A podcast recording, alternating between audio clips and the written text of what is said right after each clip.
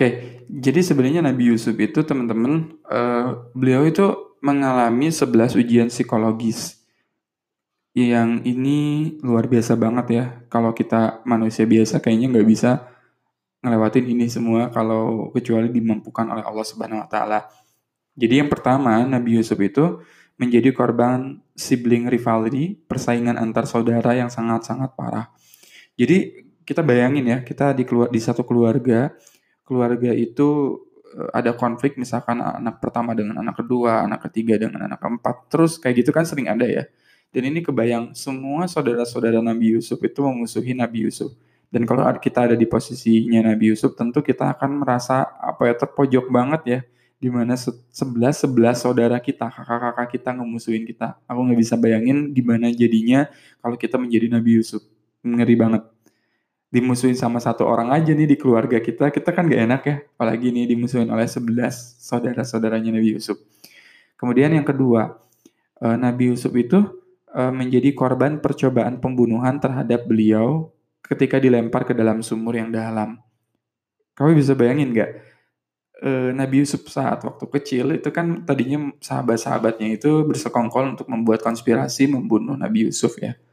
Ada akhirnya lahirlah konspirasi uh, apa dimakan serigala kan ya Nabi Yusuf dimakan serigala. Tapi salah satu orang yang paling baik di antara kakak-kakaknya Nabi Yusuf itu bilang gini, jangan dibunuh Nabi Yusuf itu, tapi masukin aja ke sumur, ke dalam sumur aja gitu.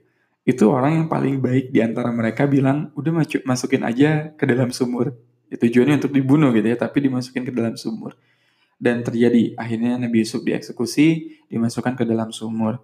Kemudian yang ketiga, eh, Nabi Yusuf itu punya potensi potensi trauma klaustrofobia atau takut pada ruang sempit tertutup dan Auklofobia, takut pada tempat yang gelap ketika berada di dalam sumur yang sempit dan gelap. Kamu bisa bayangin ada orang waktu kecilnya dimasukin ke dalam sumur, tentu kan sumur itu sempit, gelap, ya ngeri banget lah ya. Uh, nggak bisa dibayangin kayak gimana. Pasti kita juga pernah ngalamin di sekap di ruangan yang atau misalkan di kamar mati lampu itu juga udah panik banget gitu karena nggak ada cahaya atau kita masuk ke suatu tempat yang nggak ada cahaya dan sebagainya. Itu ujian banget buat Nabi Yusuf. Terutama buat kita juga sih ya kalau ditempatin di ruang gelap sempit dan ya, kita nggak bisa bayangin kayak gimana. Kemudian yang keempat, keempat ujian psikologis yang di, dialami oleh Nabi Yusuf itu adalah potensi separation anxious disorder atau SAD ya. Itu perasaan cemas atau tertekan akibat berpisah dengan orang yang sangat dicinta. Nabi Yusuf terpisah dengan ayahnya yang tercinta Nabi Yakub, ibunya, kemudian terpisah dengan adik saya seibunya Bunyamin yang dia sayangin pada saat itu, yang menyayangi Yusuf juga. Itu bisa dibayangin. Aku nggak bisa bayangin sih kalau misalkan kita berpisah dengan orang yang kita sayangin dalam satu waktu. Dan itu pada saat itu Nabi Yusuf kan masih kecil ya, masih kecil eh, berpisah dengan ayah ibunya, saudaranya dan sebagainya. Kita aja yang dewasa gitu ya. Uh, kalau berpisah dengan seseorang yang kita cintai kita sayangin kita juga kadang-kadang nggak bisa menerimanya gitu ya. Kita kadang-kadang nggak bisa apa ya uh, bangkit gitu ya dari keterpurukan ketika berpisah dengan seseorang itu gitu apalagi Nabi Yusuf pada saat itu masih kecil ya uh, lagi butuh-butuhnya kasih sayang orang tua tiba-tiba berpisah dengan orang tuanya itu sangat-sangat menyakitkan sebenarnya bagi Nabi Yusuf Kemudian yang kelima, Nabi Yusuf itu menjadi korban human trafficking, perdagangan manusia oleh kafir uh, kafilah musafir yang menyelamatkannya dari sumur lalu dijual ke pasar. Jadi kan ceritanya Nabi Yusuf waktu di, dimasukin ke dalam sumur, kemudian ada uh, segolongan musafir yang nimba sumur itu, kemudian Nabi Nabi Yusuf diangkat ya, ketika diangkat uh, dia akhirnya dibawa ke di, ke pasar dan di pasar Nabi Yusuf dijual dengan harga-harga yang murah dijadikan budak gitu. Itu juga Nabi Yusuf di ngalamin ya namanya human trafficking trafficking perdagangan manusia kita se, se apa ya se rendah-rendahnya kita se apa ya se berat-beratnya ujian kita kita belum pernah yang namanya ngalamin human trafficking gitu ngeri banget sih ya dijual didagangkan gitu ya dan dijadikan budak. Oke ya, lanjut yang keenam. Yang keenam ini juga Nabi Yusuf itu mengalami uh, jadi korban seksual abuse, kekerasan seksual dari nyonya majikannya uh, di saat ya ya kita semua tahu kan kisahnya Nabi Yusuf masuk ke kamar dan semua ditutup pintu-pintunya, jendela-jendelanya dikunci semuanya dan digoda dan sebagainya uh, oleh nyonya majikannya ya. Kemudian uh, ketika Nabi Yusuf akhirnya tidak mau melakukan apa yang diinginkan oleh si nyonya itu gitu ya. Kemudian uh, Nabi Yusuf difitnah gitu kan. Difitnah dia mencoba untuk mencabuli istri tuan rumah yang sangat dihormati tersebut gitu. Ini juga luar biasa banget di mana uh, eh, bayangkan kita jadi ya tadi ya korban kekerasan seksual, kita juga nggak bisa ngebayangin ketika kita korbannya, tapi kita juga ternyata di apa ya dituduh dengan tuduhan yang tidak-tidak dan sebagainya itu sakit banget ya bagi bagi kita.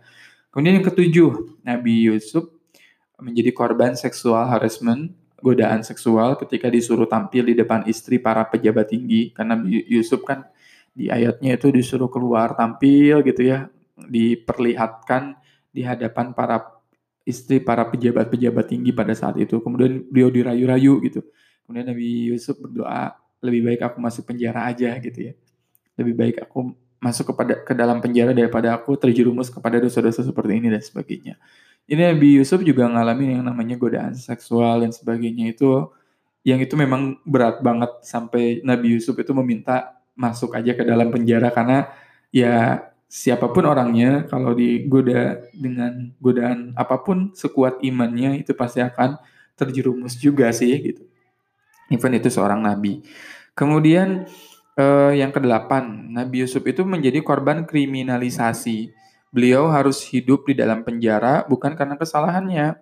Karena memang Nabi Yusuf akhirnya difitnahkan sama si istri raja ini, kemudian dijeluasin ke penjara bukan karena salahnya Nabi Yusuf.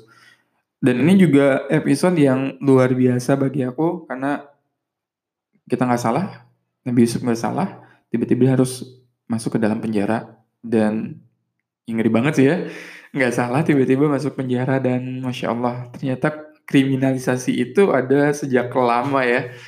Nggak hanya terjadi zaman sekarang aja gitu. Dan itu ter teralami oleh Nabi Yusuf. Kemudian selanjutnya nomor 9 Nabi Yusuf dilupakan teman di penjara yang pernah berjanji menyampaikan permasalahan kasus Nabi Yusuf kepada raja setelah bebas. Setelah beberapa tahun kemudian barulah teman itu ingat. Jadi gini, uh, si Nabi Yusuf ini uh, masuk ke dalam penjara. Di penjara itu ada dua orang. Ceritanya singkat ceritanya uh, Nabi Yusuf berpesan kepada orang yang selamat dari penjara ini untuk keluar. Uh, ketika keluar, tolong beritahu kepada raja, saya itu nggak salah gini gini gini gini. Oke. Okay. Kemudian setan menjadikan orang yang keluar ini lost gitu aja, hilang gitu aja. Dalam artian nggak ingat lagi sama Nabi Yusuf. Sampai suatu ketika rajanya bermimpi dan orang ini baru ingat, oh iya, Nabi Yusuf ada di dalam di dalam penjara. Setelah sekian tahun lamanya lupa, tiba-tiba balik lagi ke Nabi Yusuf dan minta untuk mentakwilkan mimpinya raja. Itu cerit banget sih ya bagi aku karena lo bayangin ya, ada temen kamu nitip pesen gitu ya, tapi dia akhirnya lupa dan lupanya itu bertahun-tahun. Itu ngeselin banget gak sih? Itu pasti ngeselin banget bagi aku. Jadi kayak yang kamu ke mana aja sih gitu ya? Kamu kok bisa-bisanya lupa dan sebagainya. Itu dialami oleh Nabi Yusuf. Ya, ditinggalkan, dilupakan oleh temen yang ada di penjara dan sebagainya. Oke, selanjutnya nomor 10. Eh, Nabi Yusuf diuji dengan kemampuan membalas dendam saat bertemu dengan saudara-saudara beliau dalam posisi memiliki kekuasaan untuk membalas dendam. Jadi Nabi Yusuf pada saat itu kan ketemu lagi nih sama sebelas saudara-saudaranya yang memang uh, ya Nabi Yusuf tahu dari gerak-geriknya, tahu dari wajahnya, masih nggak lupa dengan mereka.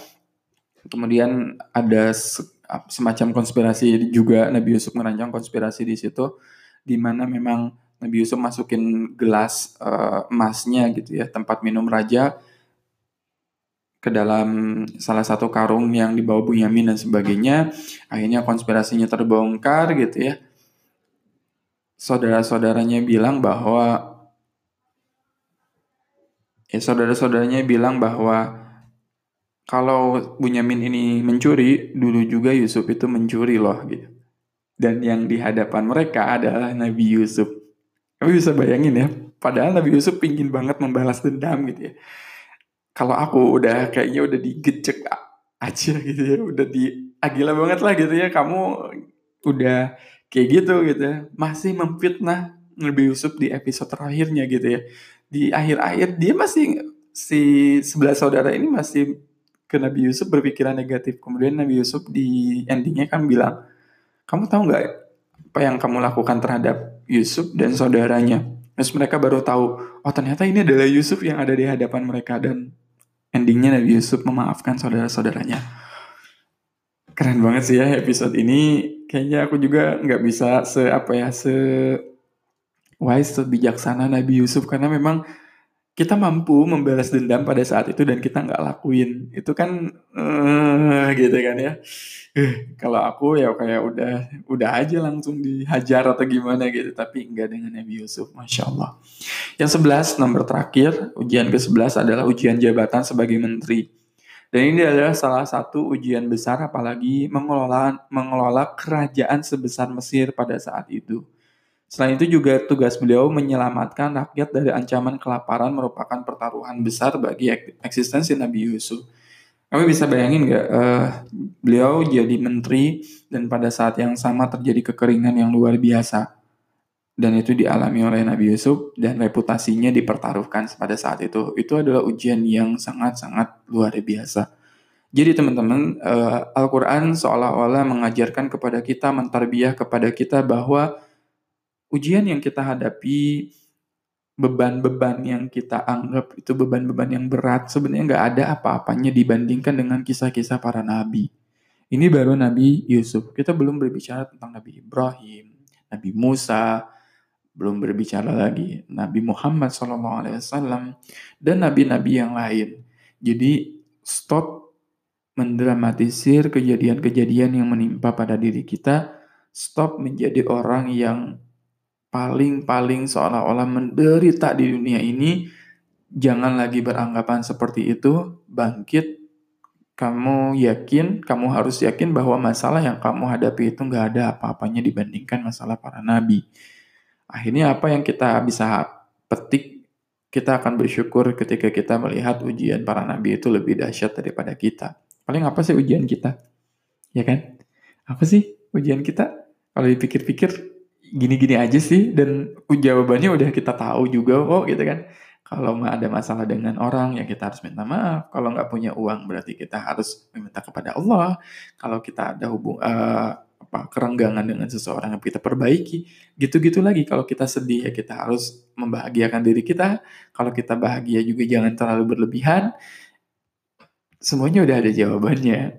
Jadi nggak serumit yang kita bayangkan. Insya Allah, insya Allah, masalah teman-teman yang teman-teman hadapi hari ini akan segera menemukan jawabannya. Dan yakin, percaya, optimis bahwa masalah yang teman-teman lakukan itu, yang datang kepada teman-teman itu adalah masalah yang kecil insya Allah. Bisa diperbaiki, bisa kita keluar darinya, dan bisa kita menjadi uh, kelak kita akan menjadi apa ya mendapat hikmah dari masalah-masalah yang kita hadapin. Gitu teman-teman. Alhamdulillah makasih ya udah nyimak podcast kisah tentang hati ini. Mudah-mudahan bermanfaat. See you next time. Nantikan episode-episode kisah tentang hati yang lainnya dan makasih banget yang besar sebesar-besarnya untuk teman-teman semua yang sampai detik ini masih menyimak podcast kisah tentang hati. Jazakallah khairan kasiran.